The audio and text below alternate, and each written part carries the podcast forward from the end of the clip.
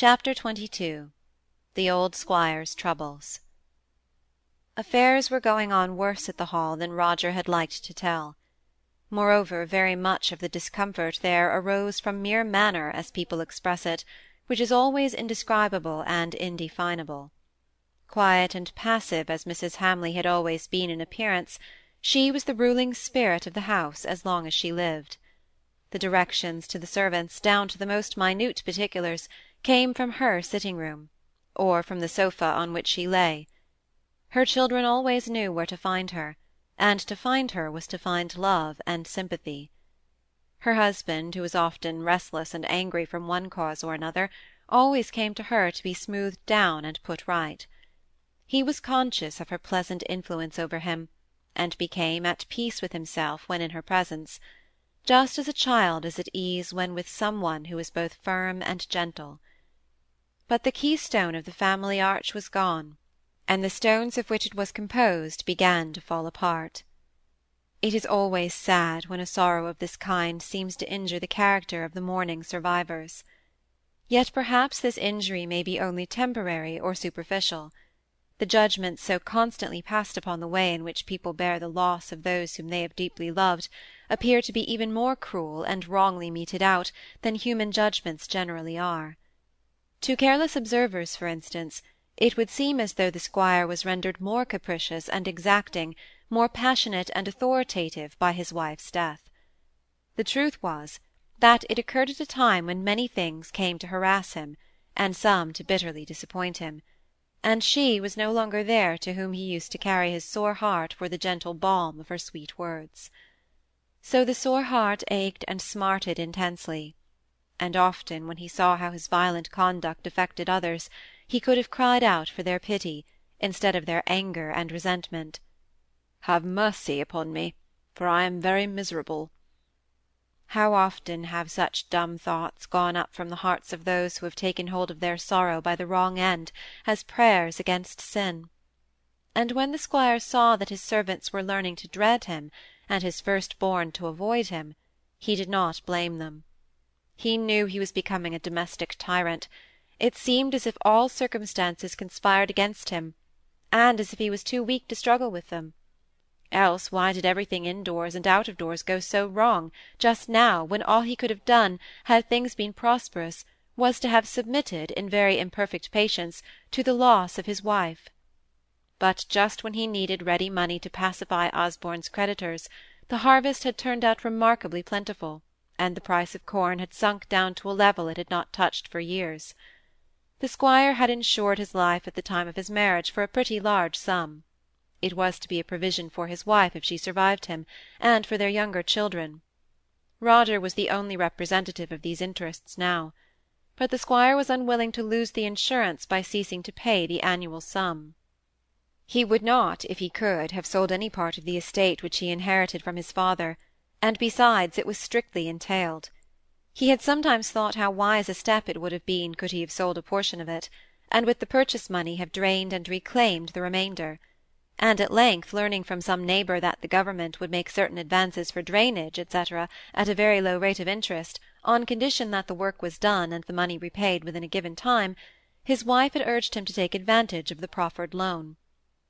But now that she was no longer there to encourage him and take an interest in the progress of the work, he grew indifferent to it himself, and cared no more to go out on his stout roan cob, and sit square on his seat, watching the labourers on the marshy land all overgrown with rushes, speaking to them from time to time in their own strong, nervous country dialect; but the interest to government had to be paid all the same, whether the men worked well or ill. Then the roof of the hall let in the melted snow water this winter, and on examination it turned out that a new roof was absolutely required. The men who had come about the advances made to Osborne by the London money-lender had spoken disparagingly of the timber on the estate. Very fine trees, sound perhaps too fifty years ago, but gone to rot now; had wanted lopping and clearing. Was there no wood ranger or forester? They were nothing like the value young Mr. Hamley had represented them to be. The remarks had come round to the squire's ears. He loved the trees that he had played under as a boy as if they were living creatures; that was on the romantic side of his nature. Merely looking at them as representing so many pounds sterling, he had esteemed them highly, and had had, until now, no opinion of another by which to correct his own judgment. So these words of the valuer's cut him sharp, although he affected to disbelieve them, and tried to persuade himself that he did so. But, after all, these cares and disappointments did not touch the root of his deep resentment against Osborne. There is nothing like wounded affection for giving poignancy to anger; and the squire believed that Osborne and his advisers had been making calculations based upon his own death. He hated the idea so much, it made him so miserable, that he would not face it and define it and meet it with full inquiry and investigation. He chose rather to cherish the morbid fancy that he was useless in this world, born under an unlucky star, that all things went badly under his management. But he did not become humble in consequence. He put his misfortunes down to the score of fate, not to his own, and he imagined that Osborne saw his failures, and that his first-born grudged him his natural term of life. All these fancies would have been set to rights could he have talked them over with his wife or even had he been accustomed to mingle much in the society of those whom he esteemed his equals; but, as has been stated, he was inferior in education to those who should have been his mates, and perhaps the jealousy and mauvaise honte that this inferiority had called out long ago, extended itself in some measure to the feelings he entertained towards his sons, less to Roger than to Osborne, though the former was turning out by far the most distinguished man. But Roger was practical interested in all out-of-doors things, and he enjoyed the details, homely enough, which his father sometimes gave him of the everyday occurrences which the latter had noticed in the woods and the fields. Osborne, on the contrary, was what is commonly called fine, delicate almost to effeminacy in dress and in manner, careful in small observances.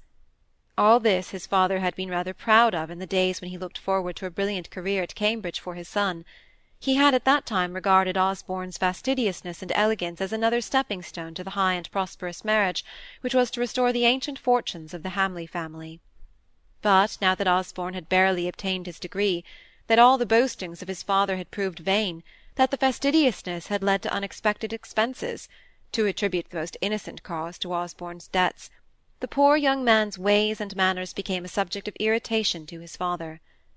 Osborne was still occupied with his books and his writings when he was at home, and this mode of passing the greater part of the day gave him but few subjects in common with his father when they did meet at meal-times, or in the evenings.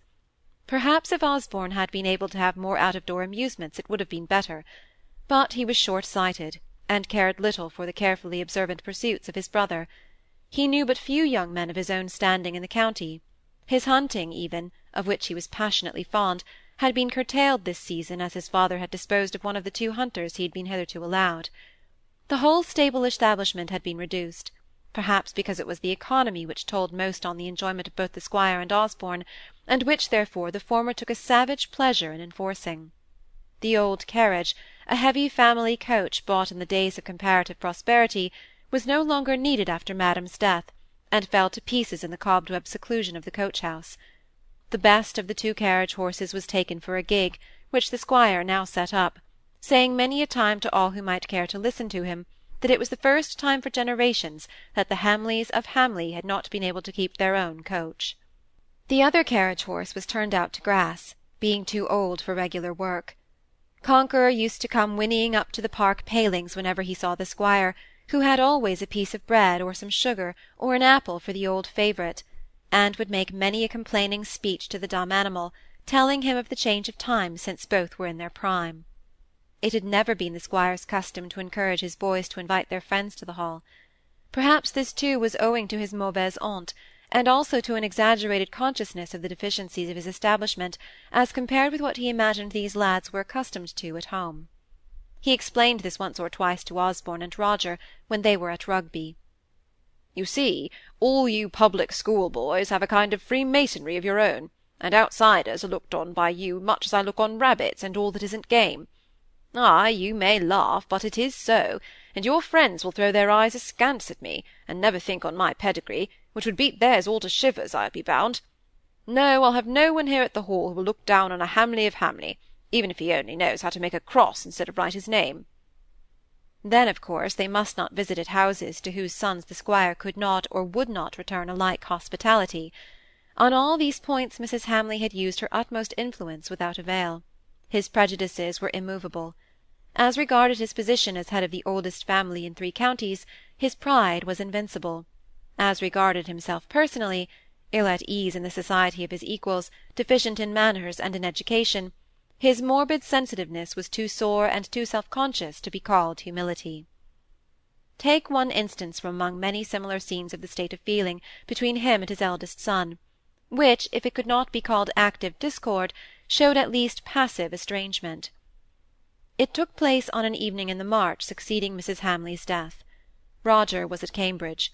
Osborne had also been from home, and he had not volunteered any information as to his absence. The squire believed that Osborne had been either at Cambridge with his brother, or in London. He would have liked to hear where his son had been, what he had been doing, and whom he had seen, purely as pieces of news, and as some diversion from the domestic worries and cares which were pressing him hard but he was too proud to ask any questions, and Osborne had not given him any details of his journey. This silence had aggravated the squire's internal dissatisfaction, and he came home to dinner weary and sore-hearted a day or two after Osborne's return. It was just six o'clock, and he went hastily into his own little business-room on the ground floor, and after washing his hands, came into the drawing-room feeling as if he were very late, but the room was empty. He glanced at the clock over the mantelpiece as he tried to warm his hands at the fire. The fire had been neglected, and had gone out during the day; it was now piled up with half-dried wood, which sputtered and smoked instead of doing its duty in blazing and warming the room, through which the keen wind was cutting its way in all directions. The clock had stopped, no one had remembered to wind it up, but by the squire's watch it was already past dinner-time. The old butler put his head into the room, but seeing the squire alone, he was about to draw it back and wait for Mr. Osborne before announcing dinner. He had hoped to do this unperceived, but the squire caught him in the act. "Why isn't dinner ready?" he called out sharply. "It's ten minutes past six. And pray why are you using this wood? It's impossible to get oneself warm by such a fire as this." "I believe, sir, that Thomas—" "Don't talk to me of Thomas. Send dinner in directly.